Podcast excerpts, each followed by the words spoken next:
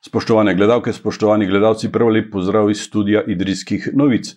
V današnji oddaji o kulturi se bomo pogovarjali o knjigah. Pred nekaj meseci je pri planinski založbi Slovenije išla knjiga z naslovom Griči avtorja Rafaela Trpina, ki ga prav lepo pozdravljam v našem studiu. Dobrodošli. Pozdravljeni. Gospod Trpin, povejte nam, kako ste doživljali nastajanje te knjige? Zelo daleč je bilo, ker so vse naredili brez mene. Ne? Jaz sem vse že prej naredil, ne? s tem, ko sem članke napisal, pa jih pošiljal na planinski vestnik, je bilo moje delo upravljeno. E, ta knjiga je pa izključno delo Planinske zveze in tistih, ki so speljali to reč. Ste slikar in učitelj. Eh, več kot 50 razstav ste podpisali v vaši dolgoletni slikarski karieri, če lahko tako rečemo. Leta 1969 ste pa diplomirali na Likovni akademiji. Mm. Kakšen je bil takrat vaš likovni svet? Ja, ozek je bil. ozek je bil. Jaz sem videl, že takrat sem videl mojo krajino, videl sem, da bom krajinar, da drugo odpade vse. Eh, nič drugega. Eh, s kolegi na akademiji se je svet potem malo razširil. Ne?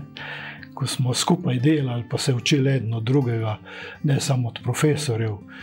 Eh, še posebej veliko je bilo tega medsebojnega učenja, se mi zdi. Eh, tam se je malce razširil moj pogled pa potem z vsem študijem, z literaturo in tako naprej, z ogledovanjem razstav. Eh, in pa jih stalno, stalno hojo po hribih. Vse sobote so bile moje. Eh, tudi pozneje, no se sem se kmal potem oženil. Eh, žena so bila dogovorjena, da so sobote moje nekako. je, ostalo je bilo družinsko. No, sicer sem pa celo življenje upravljal dva poklica, to sem zmeraj trdil, pa so me mal divje gledali. E, sem bil učitelj ne, na osnovni šoli v Cerknem in pa slikar. Ne. To je za me šlo to lepo skupaj. E, na šoli pa niso bili toliko veseli tega mojega slikarskega dela. Tak, tak občutek sem imel. No. Čeprav ste ja. za, za zanimanje, za krajino, za zgodovino, ja. za podobe eh, izginjajoče, crkljanske, predvsem, uspeli ja. navdušiti mnoge učence. Ja, ja, to sem se trudil, seveda. Pa tudi eh, lepo je bilo delati z njimi, ne? Eh, pa tudi uspešno je bilo. Če smo dve knjigi izdali, no, vse zadnje, ste vi izdali, no? vaša založba je to velik uspeh ne, za enega učitelja. Do mojih prednikov, ena ja, in dve. Ja. E, zanimivo pa je to, da ob slikanju pišete in to izvrstno pišete, to vam priznavajo tudi poznavalci, ne samo ja. ljubitelji e, dobre, klene besede. Ja, hvala. No. Pisal sem zmeraj, rad, ne, z veseljem. To, ja. E, ko sem prvo prvi prispevek poslal na Planinski vestnik, je bil tam urednik še eh, znameniti Tine Oru. Mislim, da je bil slavist na celski gimnaziji, čeprav vem. To je bilo leta 1974. Ja. ja, ali pa tri. Je bil odličen človek, ne, odličen urednik, eh, tudi za nazaj ga hvalijo še in še. No, on, mi je, on mi je takrat dal prvo spodbudo takrat ni bilo telefonov ali pa teh novotarij današnjih, in mi je dopisnico pisal. Rekel, e, v redu je, zanimivo pisanje, tu je šlo za Gačnika, ne ta prvi Gačnik. E, zanimivo pisanje je rekel, e, malo drugačno, in bomo objavili, kar dajte še. Tako, korajžo mi je dal. No. Potem sem pa pisal skoraj vsako leto en, enega ali dva prispevka in jim pošiljal tja. Vse je pa nabralo, ne? od 73 let do danes, kar veliko. Kar veliko. Ja. Ste pa ne mara edini eh, ja. eh, njihov sodelavec, ki ob pisani besedi podobe tudi narišete. To ni bilo v mojem načrtu, kol. da bi moja platna bila objavljena ob tekstih, ne, to ne. Zato se je potrudil takratni, eh, ne bil glavni urednik, ampak eden od urednikov, Marjan Bradeško. On je, je izsilil to, da so šle še moje slike zraven. Ne. In se, smo to kar potem dolgo peljali, nekaj let. Saj barve niso bile zmeraj na višini, sem kaj češ. E, drugače mi je pa prijalo, da so bile, da so bile še platno zraven. Niso pa, pa bila ta platna narejena zaradi tekstov, ne, da se ve. To smo le tako pobrali. Včasih se je bolj ujemalo, včasih manj. Ne. E, ta rotarski svet vas e, ne nekno zanima, vznemirja. Odkje je to ja. zanimanje? Ja, se smo tu, tu smo doma v grapi, ne? Ne. ali pa v grapah, bi še bolje rekel. rekel ja. Z očetom smo zmeraj hodili. Veste, oče je bil krojač, je cel teden delal doma, ob nedeljah je pošel ven ne? in nas je vzel s sabo. Smo šli, vsaj z bratom, so bili zmeraj zraven, pa imamo gotovo v šterih. Eh, sestre pa niste bili toliko na korajš. Eh, na gore smo hodili skoraj vsako nedeljo, ja. pa tudi drugam. Eh, na porezen smo hodili večkrat, na javornik, recimo na vojsko, zelo redko, na hljeviščah smo bili malo, skupaj. Malo. Na Elenk smo pa šli večkrat. Ja. No, tako se je ta moj svet začel odpirati. V študentskih letih sem pa prvo zavestno raziskoval to pokrajino, mojo in jo širil tako le na vse strani. Čentiška planota, recimo Trebuša, potem je bil Lokovc, Goreni Lokovc, ne ta prvi, pa Gora na Dajdoščino. Pa šlo vsak, no, vsaka pot, malo v neznano, bi rekel, tako, ne? da sem širil in se hkrati beležil, ne? skiciral. Nisem zmeraj skiciral, to so bili posebni dnevi. E, sem pa fotografiral veliko in kasneje sem se začel pisati e, zapiske, ne, pa podatke. Moj spomin ni kaj preda. In je bila to edina rešitev, da si pišem. Tako da zdaj je teh zapiskov doma ogromno. Posebej mi je šlo za to, da si imena zapišem, ta ledinska imena. Drugače, od, od sobote do sobote pozabil stvari. Ja. Če si jih pa zapišem, ker sem vizualni tip, ne? E, če si zapišem ali pa narišem, si pa lažje zapomnim in trdneje zapomnim stvari. Tudi zato. E, prav gotovo ste marsikatero od teh poti prehodili dvakrat v teh recimo, 50 letih in opazili spremembe, razlike, joj, joj. najbrž na slabše. Ja, seveda na slabše. Oh, poti je bilo nešteto. E, tiste lepe, pot, zanimive poti so bile dragocene, zmeraj in sem jih ponavljal, še in še, tudi zdaj bi jih, če bi se dalo. E, spremembe so pa bile, gotovo v začetku sem, sem še srečal te kmečke ljudi, starce. Po hribih smo kakšno rekli, če nisem bil prav preveč sramežljiv, pa šel le mimo hiše. Tudi tak sem bil, ne? mlad, trapast, bi rekel. Ne? E, ljudje so bili pa željni besede in vsakega obiskovalca. So te radi sprejeli, tudi pohostili so me, kišnim šilcem ali tako. Ne? E, Sam se pravim, zmeraj se nisem ustavljal, sem plačno bežal mimo, ne. pa mi je bilo žal zmeraj potem. No, pa so pa ti starci pomirali en za drugim in sem, jaz sem pa spremljal njihove hiše in domovanja. Svet se je že prej zaraščal, vse bolj rumene trave so, so se na jesen pokazale, pa brinje je lezlo noter proti hiši, kosilni so več na zadnje, samo okoli hišče, hišice, še malo pokosil, pa pa še tisto ne. Pa, pa ko je streha začela puščati, se je pa udrlo noter in je gost požrl vse skupaj. Takih, takih primerov je ogromno.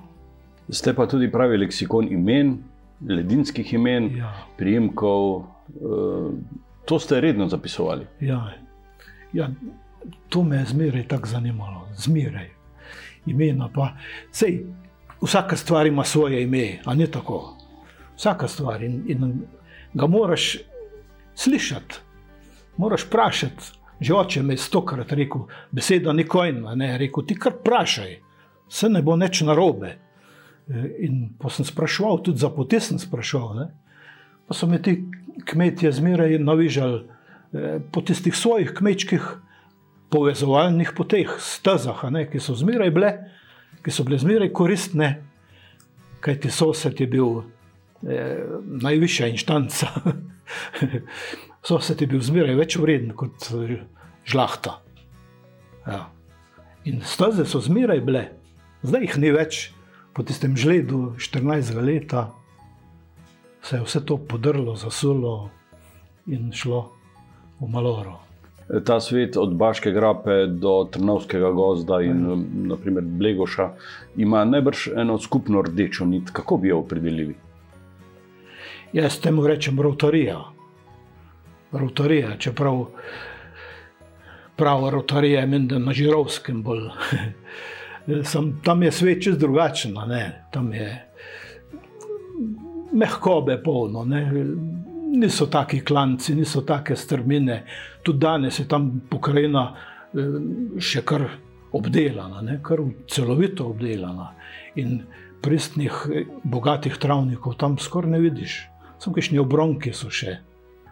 Eh, Tu na našem koncu, temne, vojskarskem, recimo Trebuškem, je pa, je pa travnikov, pisanih, bogatih, veliko. Če greš v juniju, zdaj mislim na vojsko, ne, če greš v, v juniju čez vojsko, imaš kaj videti. To je nekaj blazno lepega, koliko kolik rož, koliko rastlinja, posebej tam, kjer ne gnojijo. Pa so tudi taki travniki, ki jih ne gnojijo, ne? jih nikoli niso gnojili. To so biseri danes. To vaše zanimanje za botaniko je tudi nekaj posebnega. Ne? Ja, no, za me ni nič posebno, ker sem že kot šolar sem, sem napisal en- eno nalogo, da bom vrtnar, ko bom velik. no, z tega sicer ni bilo nič, čeprav eh, rožni vrt imam celo življenje, že ne pa ga malo tako božam vsako leto. Eh, Rastline me pa zanimajo, ja, od nekdaj. Ja. E, Mnogi eh, potujejo na druge celine, na oddaljene lokacije. Razmah tega svetovnega planetarnega turizma je do te epidemije bil eh, skoraj nesluten. Vi ne potujete na Tajsko, na Kitajsko, ampak se navdušujete nad temi bližnjimi. Ja, Odkrivate nam ta bližnji svet pred, pred domačim pragom. ja, se vidim na televiziji, vidim krasne oddaje iz tujih krajev, iz tujih dežel. Ne. To Vse to pogledam, gotovo, da sam, za me je dosti tukaj, v tej okolici. Res. Se, se ukvarjam s tem, da rišem, oziroma slikam rastline in gobe. Ta moj herbarij je že zelo obsežen. Ne?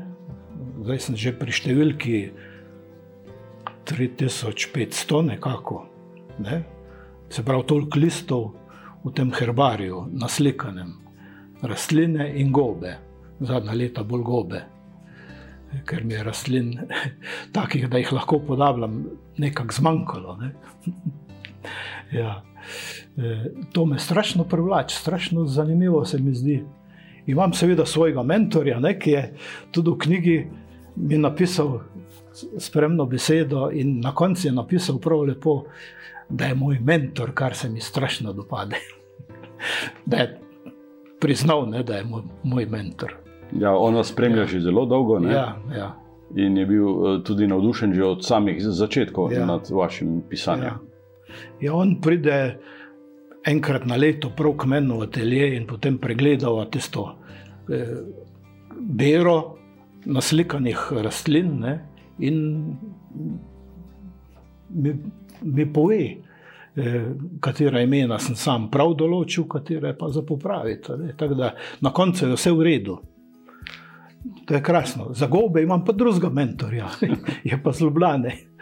Je tudi odličen poznavalec. Urednica te knjige je bila Anka ja. Eh, Rudolf. Potarnala je, da je imela silno neprijetno delo, ker je morala predvsem krajšati eh, ja. obseg, ker v, ja, ja. v knjigo ni moglo vse, kar je bilo pripravljeno. Ja, preveč je bilo, se vem. Tist izbor je bil, bi bil za dve ti knjigi skoraj. Ja, sam zadnjo, zadnji izbor sem jaz naredil, ne? sem vrgel ven nekaj člankov, ki bi jih mogoče tudi objavili drugače. Ne? Mogoče ja. pa v nadaljevanju, v drugi no, knjigi. Bomo videli. Bomo videli. ja. Eh, lahko za naše gledalce preberete kakšen odlomek? Ja, no, bom poskusil nekaj sem poiskal. E, gre za prispevek o zakojci. V zakojco sem zmeraj hodil v novembru, se pravi, sedaj je čas, ne? Novembru, ko je že mrzlo, včasih je že naletavalo in tisti čas je zakojca prav posebna. Ne glede, ne glede na to, da je Belkova rojstna vas, eh, je dopoledne v Osoji. Gore tam na oni stran bače, pa sijajo v soncu in je to nekaj blazno lepega. E, to traje en kratek čas, pa pa vse zvodeni, ko sonce pride čez bačo, v zakojco, vsa tista, bi rekel, prejšnja kontrastna lepota nekam zgine. Eh, je pa izjemno vse skupaj doživljati. Ja. Ponovadi grem čez vrh ravni v Zakojco, pa, pa čez Bukovo nazaj, dol, tako da obkrožim Kojco. Tako sem hodil. No. Dobro, bom prebral en kratek odlomek. Neke zgodnje jeseni smo se s crkljanskimi šolari oglasili pri njem. Sonce je bilo kot vsakega dopoldneva na njegovem brdu. Okolica je odmevala od preširne muzike.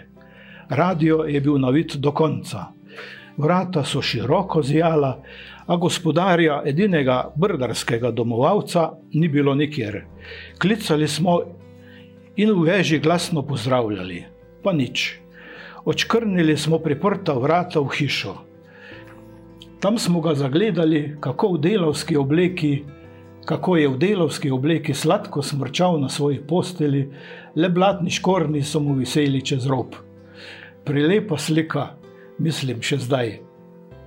V mladih letih mu je bila pri srcu domača dekla, kar vzel bi jo, a mu je mati prepovedala. Kmečki fant vendar ni smel vzeti dekle. Dnevi so tekli, dekla je šla drugam, mater so spravili na Bukovski Britov in Julče je vsa preostala leta ostal sam doma. Do konca se je bodel s svojim brdom. Kolikor sem ga poznal, je bil nad vse prijazna duša. Dobro besedo je imel vedno na koncu jezika. Dočakal je svoj zadnji dan, zadnje sonce in zadnjo senco. Dočakali ga bodo tudi stav, stavbe njegovega doma, njegova drevesa in nive. A če ne bo za njim nikogar, se bo razširil gost. Divina že zdaj pritiska skojce. Hvala lepa. Prosim. Lepo domek. Povejte nam še, kako doživljate ta čas pandemije? Ah, hudo je. Hudo je. Noben ne pride k hiši, bi rekel, sami ne gremo nikamor. Če grem v trgovino, jih slišim, da ne bi smel sam, se mi drugi prenesejo. eh, tak, no, ampak zdaj sem začel slikati na platno, ne, zdaj je 14 dni, da se mi je odprlo in je malo laže. Upam, da bo ob slikanju minilo tudi to. No. Prihodnje leto se bomo rešili virusa in vi predstavite novo, novo razstavo. A tako hitro pa ne bo. Ne bo. Ne, ne. Eh, Rafael Trpin, čestitam vam ob izidu te knjige. Želim vam, da bi še dolgo hodili po teh naših gričih, grapah, holmih in o njih seveda pisali in jih tudi slikali. Eh, Vsi ti zapisi so res dragoceni, ne samo za naše današnje generacije, še bolj se mi zdi, da za tiste, ki šele prihajajo. Eh, Hvala, da ste prišli v naš studio in hvala za ta pogovor. Hvala tudi vam, da ste me povabili. Vam, spoštovane gledalke in gledalci, pa hvala za pozornost.